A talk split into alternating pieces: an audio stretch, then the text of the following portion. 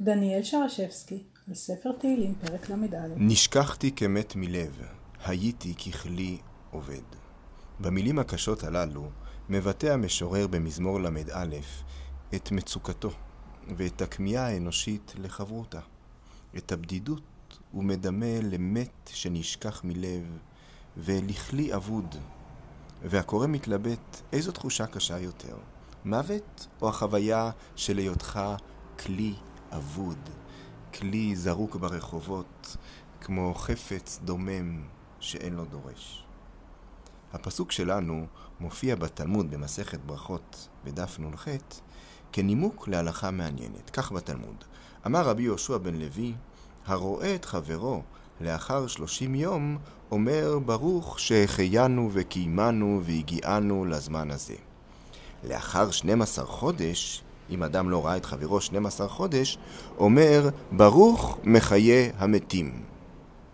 אמר רב, אין המת משתכח מן הלב, אלא לאחר 12 חודש. שנאמר, נשכחתי כמת מלב, הייתי ככלי עובד. רבי יהושע בן לוי קובע הלכה. אדם שלא ראה את חברו במשך חודש, מברך ברכת שהחיינו. אם חלפה שנה, האדם מברך ברכת מחיי המתים. מדוע שנה? הנימוק לכך מופיע בדבריו של רב לאור הפסוק שלנו, המקביל את המת הנשכח לכלי אבוד. לאור ההקבלה הזאת מסיק רב שמת נשכח מהלב לאחר שנה, כמו כלי אבוד. רש"י מסביר את הדברים לאור ההלכה הקובעת שאדם צריך להכריז על אבדה במשך שלושה רגלים, ולאחר מכן החפץ הופך להיות שלו. מדוע? מפני שלאחר שנה בעליו של החפץ יתייאש ממנו והבעלות שלו פוקעת. אז אם שוכחים מהחפץ אחרי שנה, והפסוק בתהילים אומר, הייתי ככלי אבוד, אז אנחנו מבינים שאחרי שנה האדם הוא כמו מת, הוא אבוד, הוא נשכח מלב. רבי יהושע בן לוי מציב מולנו תמונה מסקרנת. שני אנשים שחיו עד כה את שגרת חייהם, כל אחד בשלו, נפגשים ברחוב ומברכים זה את זה, ברוך מחיי המתים. מדוע?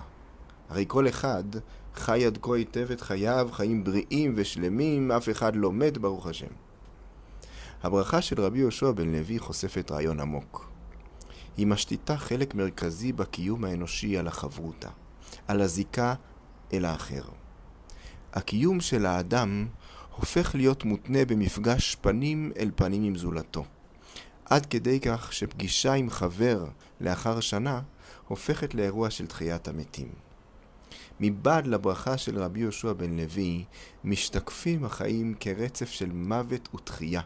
המתרחשים שוב ושוב לאור יחסי הקרבה והריחוק שלנו עם זולתנו.